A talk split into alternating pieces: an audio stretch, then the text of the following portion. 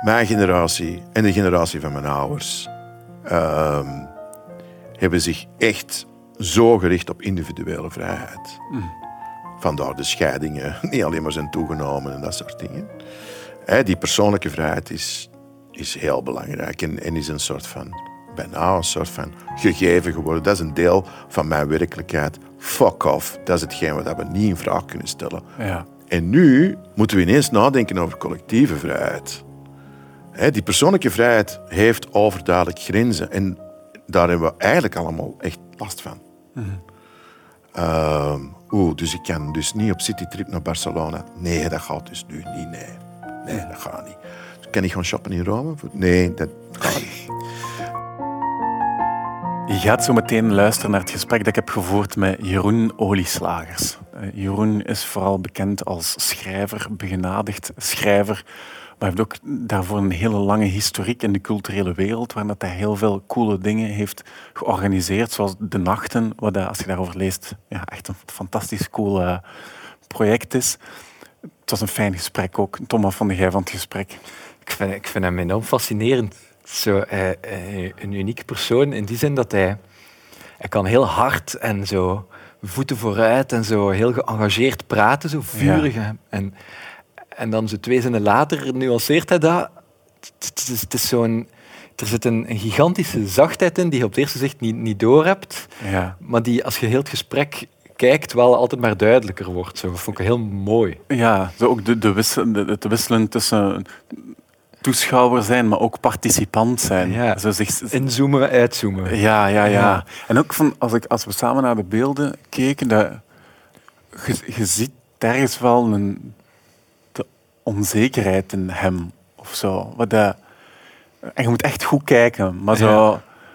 Een zoekende mens zeker. ja, zo'n oprecht zoekende mens. En ik ben blij dat we dat hebben kunnen brengen ook. Want hij ze- hij zegt het ook zelf, hè, mijn, mijn grootste schild is mijn naam, Jeroen Olieslagers. En dan, dan heb je het beeld en de, de, man die wil de vrouw heeft geschreven. En, eh, maar dan, dan zie je toch wel, ja, hij heeft echt wel een kwetsbaarheid toegelaten hier. Ja. En, en, Wat- Je bent voorbij mooi. zijn schild geraakt of zo. ja, of hij heeft het neergelegd. Hij heeft Ja. gekozen om het neer te leggen. ja, ja, cool.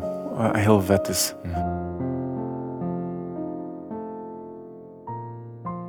Ik zag u de laatste weken ook meer schrijven over twijfel. Mhm. In, in, in de standaard, zo, uw stuk, Ja. een groot stuk over twijfel. En, Ja, ik denk dat twijfel altijd een stuk van mijn leven is geweest, hè, van mijn denken ook. Maar het is... Je wordt zo in een vak gestopt. Hè. Je zit een activist met overtuigde meningen. Dan verschieten ze ineens... Dus, allee, ze... ehm, dat je...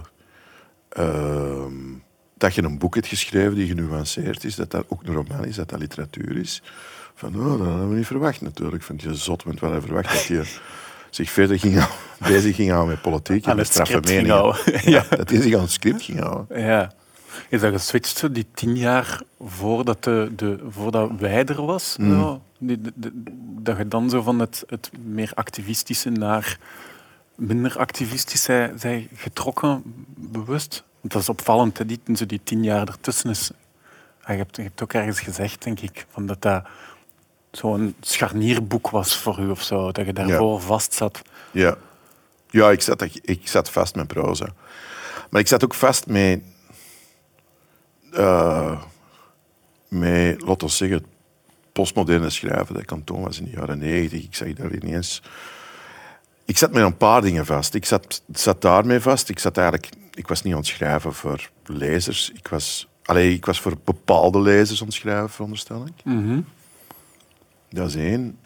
Twee, het einde van de jaren negentig had ik echt helemaal gehad met de ironie. Mijn klik kwam eigenlijk... eh, ik heb een seizoen voor de KWS gewerkt. Ja. en daar zo'n leesgroep. Waar dat we keken naar teksten uit, de, laten we zeggen, tussen 1880 en 1940. En dan zei iedereen tegen elkaar zo van... Maar jongen, dat zijn nou eens draken, jongen. Die sentimentaliteit in die teksten. En, en dan, ik heb daar dan zitten over nadenken van... Hoe komt dat eigenlijk, dat die teksten zo... Allee, op 60 jaar tijd, dat wij die allemaal bijna percipiëren als zijnde. Waar dat we eigenlijk alleen nog maar mee lachen. Omwille van de sentimentaliteit ervan? Omwille van de, dat we de sentimentaliteit niet meer kunnen geloven, dat we ze niet meer kunnen plaatsen in ons eigen leven. Dat... Ja. En toen heb ik zitten nadenken van, als dat zo aanwezig is, als dat zo in een diepte zit, dan moeten we eigenlijk spreken over uh, een soort van interface dat je dat gebruikt om een gemeenschap te vormen met iets en, en wat ook gecodeerd is. Weten we dat een publiek kan decoderen en weet van, ah ja, ja, oké, dat en die clichés zijn nodig. En, en toen was ik aan het denken van, oké, maar wat is onze interface dan? Wat gebruiken wij? Wat gebruikt mijn generatie bijvoorbeeld? Ja. En ik kwam gewoon heel snel uit op ironie. Ja, ja, ja. En ik dacht van uh, binnen 50 of 100 jaar, als die mensen onze teksten lezen, Ja. van mij en mijn generatiegenoten, dan zou de kans wel eens eh, groot zijn dat die zich afvragen, waar waren die allemaal zo fucking ironisch over? Ja, ja, ja. Zie je? ja. En En, hoe heb je dat ook er- in je eigen werk gezien? Dan. Tuurlijk. En in Ja. mijn levenshouding ook. Dus ironie en cynisme. Ehm, dat cynische begon eruit te gaan bij mij, maar dat, dat ironische, de ironische verhouding tegenover waarheid, hè, want dat is het al, hè, je zit al Ja, tussen ja, ja. aanhalingstekens. Ehm, daar ben ik beginnen over nadenken van hoe raak ik daar vanaf. En toen dacht ik van, waarschijnlijk als het dan gaat over proza, ga ik dan echt wel diep in die emoties moeten gaan en ik ga mijn personages veel ronder moeten maken en veel echter en veel en aangrijpender ook. En dan besefte ik gewoon, ah ja, ik ken dat niet. Ik heb gewoon te weinig levenservaring voor dat. Wa- Waarom wou je er eigenlijk vanaf initieel? Want hey, ik snap Omdat ik het vermoeiend vond. waarom. Omdat het niet meer overeenkwam met hetgeen wat ik voelde. Dus ik wilde echter staan ehm, in dat leven. Ik, allee, in, mijn, schrijven. Ik wilde iets maken dat, dat ontroerend kon zijn. Gewoon puur ontroerend. Ehm, of iets dat mensen kon oprecht chockeren. Ehm, en niet meer dat spel met de tekst, zoals, dat, zo, zoals ik het heb gedaan. Weet je wel. Ehm, ik ben zo academisch geschoold. Hè. De deconstructie, eh, Derrida, Lacan, waar ik echt niks van snapte. eh, maar wel Deazov. eh al dat soort dingen. Foucault, al dat soort dingen dat ik wel gelezen. Of, en ik probeerde mij daar ook aan op te trekken. maar dan merkte ik gewoon van... Oh ja, maar dat ben ik eigenlijk helemaal niet meer.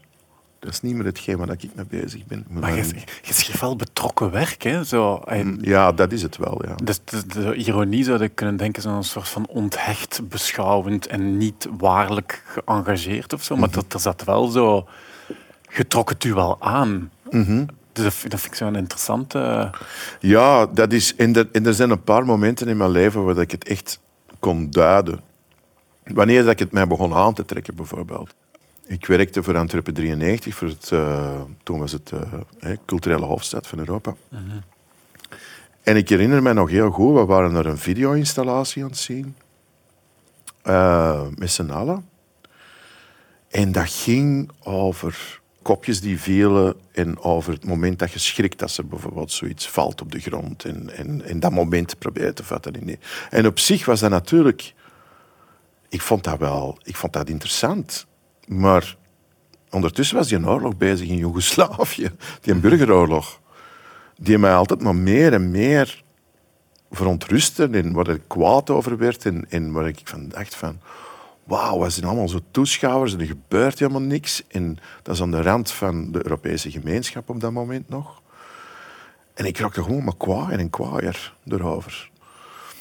En van daaruit, denk ik, is dat engagement gestart. Ik werd het gewoon moe om het alleen maar te hebben over... Ja, woorden en esthetica en, en, en denken. Ik wil het ook hebben over wat kunnen we doen, wat kunnen we niet doen. Wat is onze houding als er zo van die dingen gebeuren.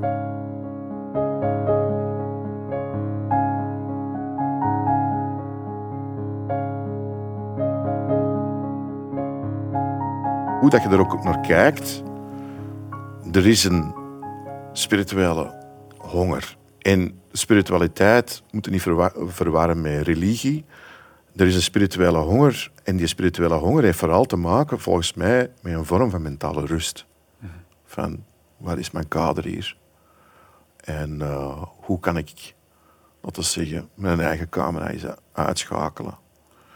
Ah, er zijn maar twee vragen, volgens mij, die pijnlijk zijn en die moeilijk zijn en die gaten openen in uw vorm van werkelijkheid. Alles wat je heeft geconstrueerd rond u, namelijk wie ben ik en wat kom ik hier in godsnaam doen? Wat, wat is hier mijn plek? Ik ken een heleboel, ah, ik ken aardig wat mensen die daar echt, echt mee batteren. Wat is hier mijn plek? Wat doe ik hier? Ah, dat is een pijnlijke vraag. Hè? Ehm, en wie ben ik? Wat is mijn identiteit? Bij welke club hoor ik? Is er een wij rond mij? Ehm, heb ik een opvangnet? Wat is mijn plek in dat opvangnet? Uh, dat zijn de vragen, dat is onoplosbaar door wetenschap.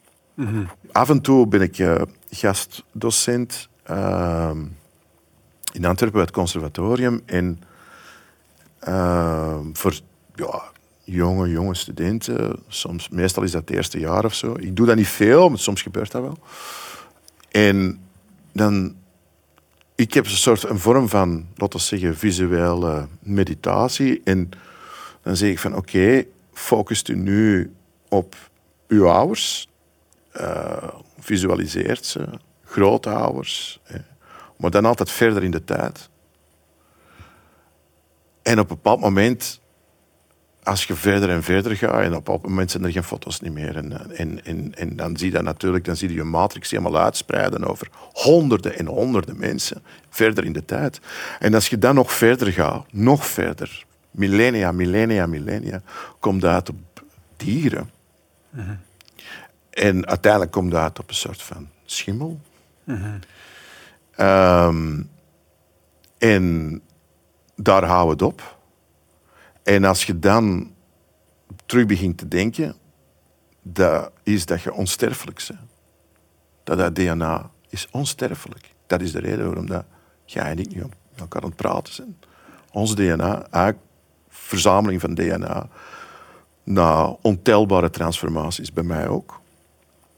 Um, dat heeft ervoor gezorgd dat we hier nu zitten. Bovendien hebben we dan nog eens een denken ontwikkeld waanzinnig is. We kunnen daar ook nog eens over reflecteren. Dus we kunnen zelfs heel die boog zien. En als je dan aan een tafel zit en je zit met elkaar te praten, zoals dat we nu aan het doen zijn.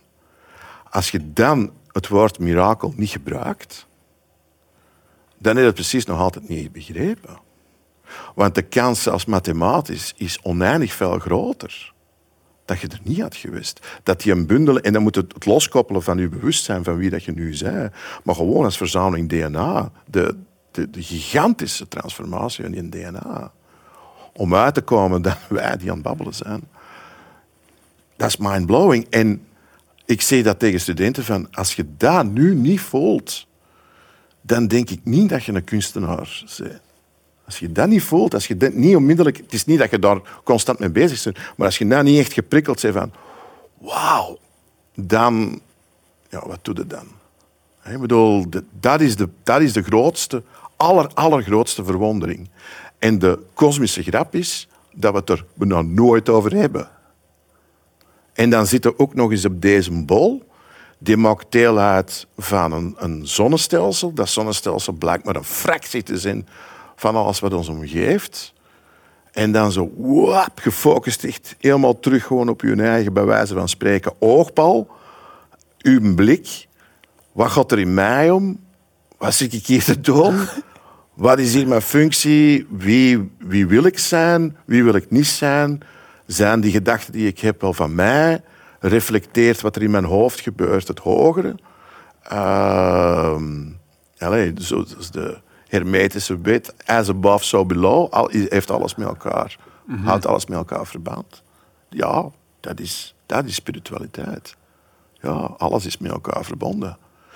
Dus, en dat is de, basically, denk ik, dat is de vraag die, die te groot is en tegelijkertijd die je af en toe moet stellen. En misschien moet je die ook stellen als de wc verstopt is.